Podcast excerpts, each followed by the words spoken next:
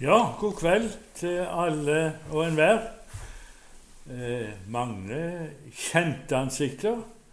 Og så var det en del ungdom her. Det var veldig kjekt å se dem òg. De andre er jo begynt å bli gamle, jo. Eh, jeg går ut ifra at eh, flere av dere unge er på Lundeneset.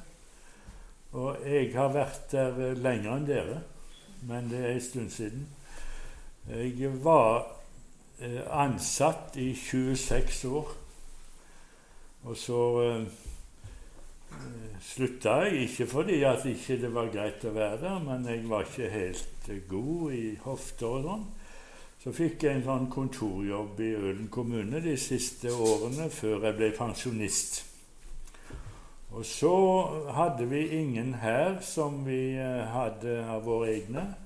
Så vi reiste til Bømlo. Der er en av familiene våre. Så nå har vi bodd sju år på Bømlo. Men jeg føler litt at jeg er kommet uh, litt hjem nå. Uh, og det bygger jeg på at jeg kjenner meg igjen her.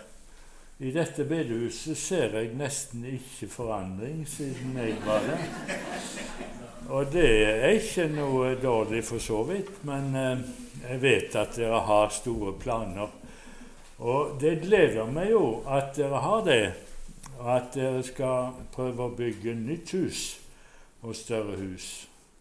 Så det ønsker jeg lykke til med. Vi begynte med noe i ja, 2000 og, hva var det, fem eller noe sånt.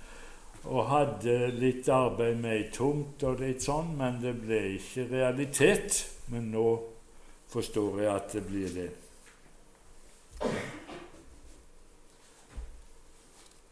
Når jeg skulle tale i dag, så eh, Dette har jeg visst lenge. Det er lenge siden jeg ble spurt. Og, og da har jeg tenkt at det, eh, det måtte bli dagens tekst. Det tenkte jeg eh, litt før jeg hadde slått opp, faktisk. Og det er ikke bare bare, for det er en krevende tekst vi skal høre i dag. Men vi kan jo ikke vike unna fordi en tekst er krevende. Eh, så vi skal høre fra Matteus 24, som er et alvorlig kapittel, og lese det nå. Eh, så ser vi fram til å samles i nattvær òg. Det er veldig, veldig fint. Så har jeg og han Lars eh, prøvd å, å, klare å ordne oss på teknikken. Og um, jeg hadde PC-en med, men jeg fikk ikke koble den til, så han styrer det der perfekt. Eh, det er bare noen få bilder, og så snakker jeg litt rundt dem. Men det var teksten. Eh, gammel mann må ha litt større skrift enn Bibelen, så derfor har jeg det på papir. Eh, det er altså Matteus 24, vers 35-44 i Jesu navn. Himmel og jord skal forgå, men mine ord skal aldri forgå. Men den dagen og timen kjenner ingen, ikke engang englene i himmelen, og heller ikke Sønnen, bare Faderen. Eh, som i Noas dager, slik skal det være når menneskesønnen kommer.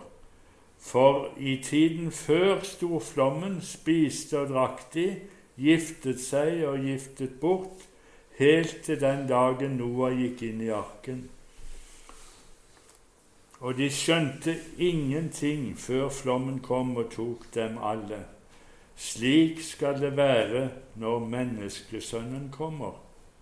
Da skal to menn være ute på markene. Én blir tatt med, én blir igjen. To kvinner skal male sammen på kvernen. Én blir tatt med, én blir igjen. Så våg da, for dere vet ikke hvilken dag Deres Herre kommer. Men det skal dere vite. dersom husherren visste når på natten tyven kom, ville han våke og ikke la den bryte seg inn i huset. Derfor må dere også være forberedt, for menneskesønnen kommer i den time dere ikke venter det. Eh, jeg sa at det var et alvorlig ord, en alvorlig tekst, og skal komme på det om en liten stund. Men det var ei lita strofe som jeg begynner med, og den eh, lyder sånn som du ser her nå. Min, men mine ord skal aldri forgå. Jeg tror ikke vi kan eh, få sagt ofte nok at de ordene som vi har i Skriften, de er pålitelige, og de står seg gjennom tidene. Så det som står i Guds ord i Bibelen, det skal ikke forgå. Det skal eh, få ha sin gyldighet gjennom tida så er det klart at en del ord kan det være spørsmål om ja, skal vi si, tolkningen av eller forståelsen av, men ordene som kom fra Jesus og fra andre disipler, de skal bestå. Og det ble sagt i denne situasjonen. Himmel og jord skal forgå, men mine ord skal aldri forgå. Jesus han sa jo om seg sjøl 'Jeg er veien, sannheten og livet'. Så det er ikke alle som kan si det. Jeg er sannheten. Og det betyr at det, det kan ikke være noe annet enn sannhet i Jesus. Han er sannheten. I 2. Timoteus brev sier Paulus hver bok i Skriften er innblåst av Gud. Og det betyr at det er Guds ord som sier det som står skrevet. Og det fikk jeg eh, trang til å understreke nå før vi går på dette som jeg sa var alvorlig. Og det er jo det neste bildet at eh, himmel og jord skal forgå. Det er jo Det er jo ikke til å tro, på en måte. Nå er det riktignok mange sånne i, i, i de miljøkretser som er veldig alvorlige, og snakker om at det er mye alvorlig rundt jorda. Men vi som lever til daglig og har det rimelig greit, og så får vi da et budskap som jeg nå har sagt er fra Jesus, og pålitelig og sikkert himmel og jord skal få gå. Og så er det jo litt spørsmål hvordan vi, hvordan vi møter det. Og det er to eh, ting, særlig ved det som er dramatisk og viktig. Og det ene er jo dette at jorda skal ja, få gå. Kan vi se for oss det? Men det andre er jo at den dagen når det skal skje noe dramatisk, da skal Jesus komme. Det skal komme en basun som skal lyde, og så kommer Jesus i sky. Og så skal menneskene møte Gud og møte Jesus. Og selv om ikke alle mennesker, selv om mange mennesker ikke ser alvoret i det, så er kanskje det det mest dramatiske av alt. Du skal møte Gud den dagen. og så har Bibelen gitt oss mange ord og beskrivelser som sier hvordan vi skal møte Gud og Jesus for å bli med. For han står at han skal hente sine. Jeg skal lese 1. Tessaloniker 4, 16. For når befalingen lyder, når erkeengelen roper, og Guds basun høres, da skal Herren selv stige ned fra himmelen, og de døde i Kristus skal stå opp først.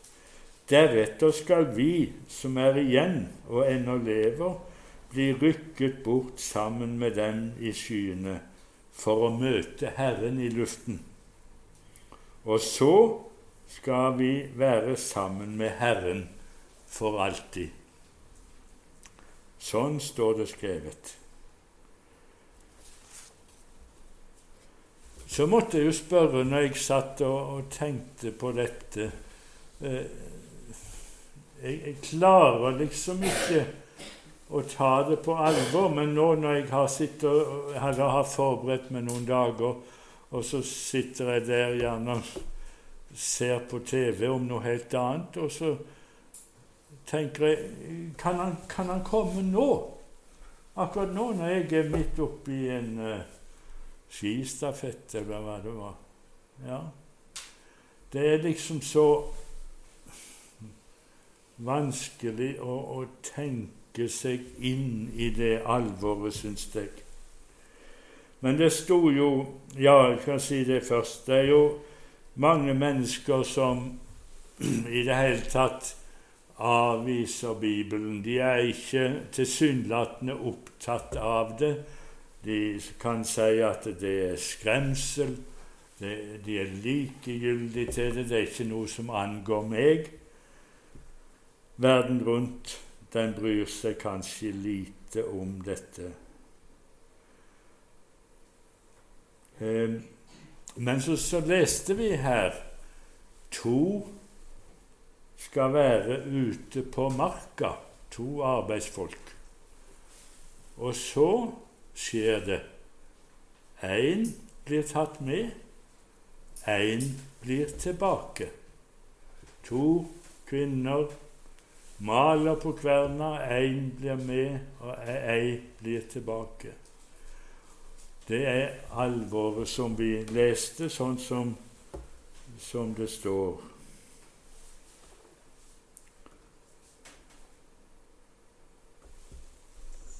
Jeg leste eller hørte Jeg vet ikke hvor jeg har det fra. Det var snakk om et amerikansk flyselskap. Kanskje noen vet hvor det kom ifra. Men det var for mange år siden et amerikansk flyselskap. De bestemte at vi kan ikke ha to kristne flyvere i samme fly. Hvorfor ikke? Nei, for hvis Jesus kommer igjen og tar begge flyverne, hvordan går det da? Og det mm, satser litt fast i meg at et verdslig flyselskap kunne tenke i de baner. Vi må sikre oss sånn at, at flyet ikke blir uten flyvere. Og så måtte jeg jo tenke videre at eh, når dette skjer, så er jeg ikke sikker på om, om det går bra med flyet, selv om det var en flyver igjen når Jesus kommer igjen. Det er, uvan, det er vanskelig å tenke. Men, men, det fikk meg til å tenke på dette. På, på den tida så var det nok noen, mange kanskje, som hadde respekt for ordet som var sagt, at Jesus skal komme og hente sine. Og så kunne de ikke ha to kristne flyvere. Eh, Hvordan hva, hva skal skje? Hvordan skal dette skje? Eller når skal det skje? Og Jesus har gitt oss eh, I Matteus 24 og 25 er det flere mye om dette som du må lese, for det blir bare kort, dette her, jeg sier.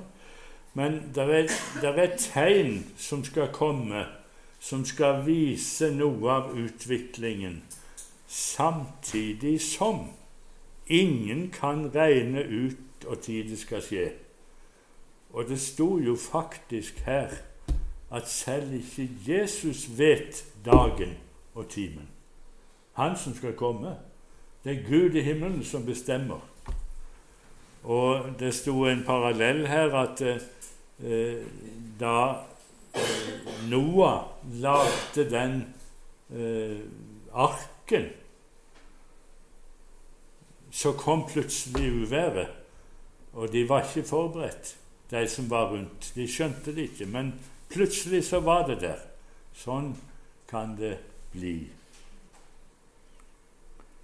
Det er mange tegn, og de burde vi hatt flere dager på å snakke om, altså bibeltimer. Jeg er ikke rette på det, men bare nevne det, for det, det må dere studere. Tegnene må vi se etter og være våkne. Og det skal komme falske profeter, det skal komme falske Messiaser, altså Jesuser og, eller budbærere som skal si Nå er han i byen. Nå er han ute i ødemarka. Dere må gå og se til han. Og det skal vi ikke gjøre. Jeg tror ikke vi skal være i tvil den dagen han kommer. Så messia, falske messiaser, det skal vi ikke henge oss på. Det skal være krig og rykte om krig. Og så sto det vel noe sånn Ennå er ikke tiden helt moden. Men det er noe i tida. Det skjer.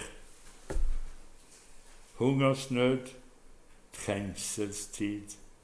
Og så står det òg 'se til fikentreet'. Jeg har ikke så god greie på det, men det var tydelig at fikentreet skulle vise noe når det begynner å bli modent. Da nærmer tida seg.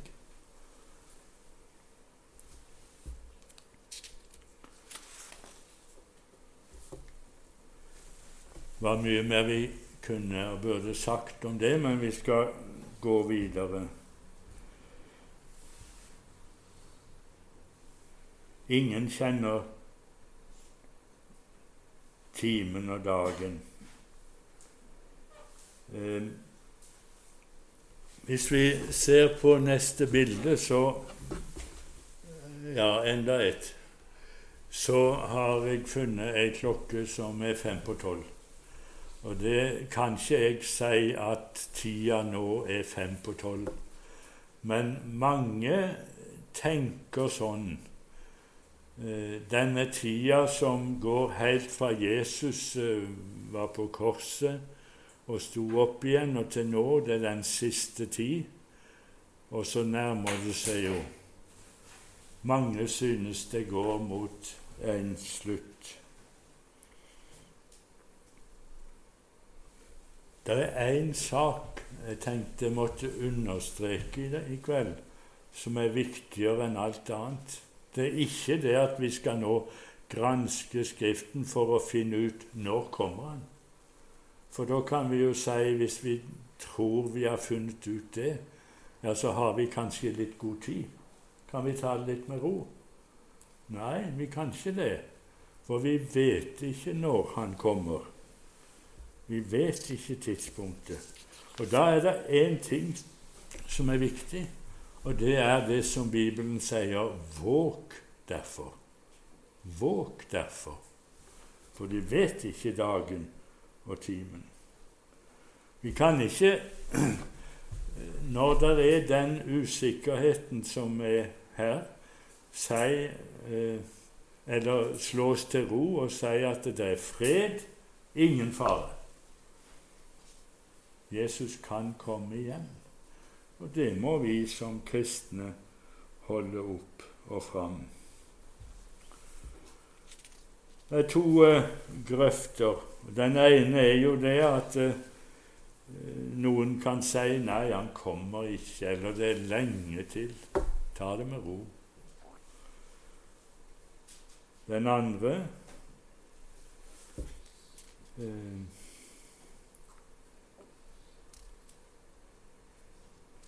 at han ikke kommer i det hele tatt. Det vil jo mange si.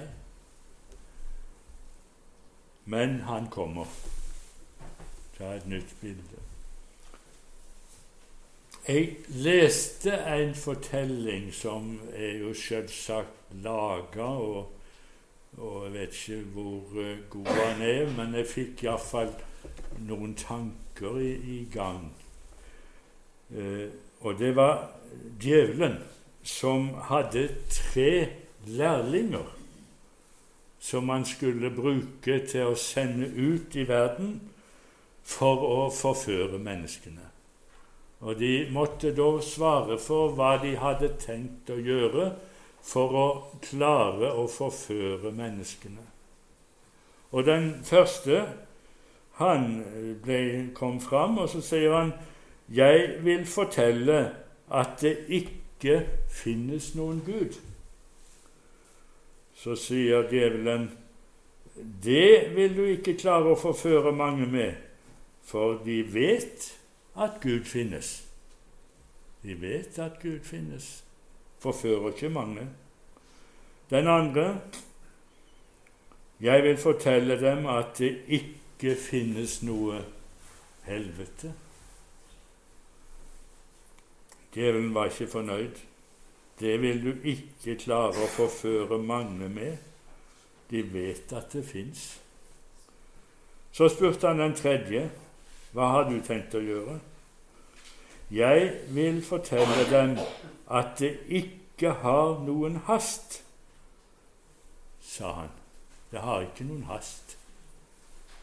Og da svarte djevelen glimrende med det kan du forføre den i store skarer. Det har ikke noen hast. Ja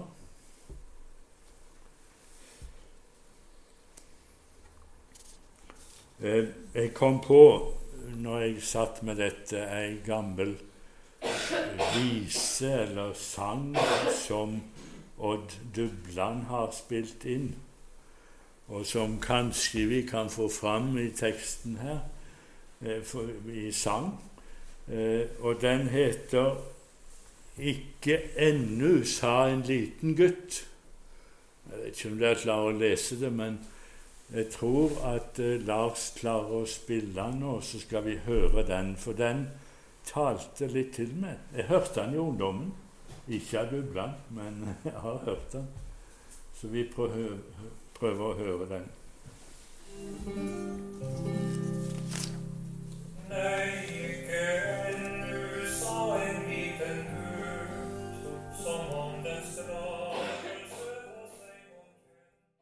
Ikke ennå. Det var altså den strategien som den tredje lærlingen brukte. Har ikke noe hast. Ikke ennå. Og så blei det i den visa for seint. Og det er et alvorlig ord, og det er mange som har utsatt spørsmålet er jeg klar til å møte min Herre? Og så var det dette med å våke. Og hva det betyr, det skulle vi snakket mye om. Våk derfor. Eh, Søk Herren mens Han finnes. Eh, be til Han. Les om Han. Vær med i Hans forsamling. Tjen Han. Og vær våken. Og vent med forventning.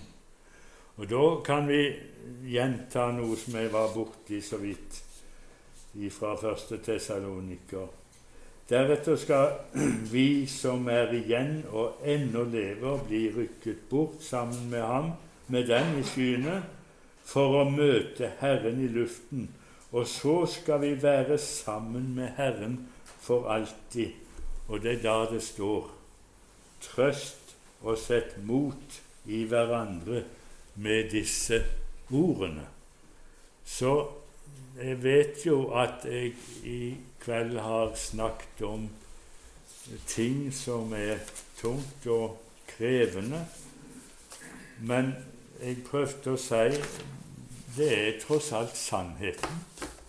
Og hvis vi skal tro og være tru mot Jesus, så må vi jo ta det med. Men vi skal ikke bli mismodig. Trøst hverandre med disse ord. Vi forkynner noe som gjør at uansett hvordan det går, om jeg dør, om jeg lever, så blir jeg med Herren i Hans rike, og så får jeg et evig liv hvis jeg er rede når Han kommer. Så da er mitt sluttpoeng våg derfor, vær rede. Herre, vi takker deg for ordet, selv når det blir alvorlig. Vi ber deg, Herre, at vi må våke, at vi må vite hvordan vi skal innrette oss slik at vi er klar når du kommer igjen og henter dine. Velsign forsamlingen her. Vi ber i Jesu navn. Amen.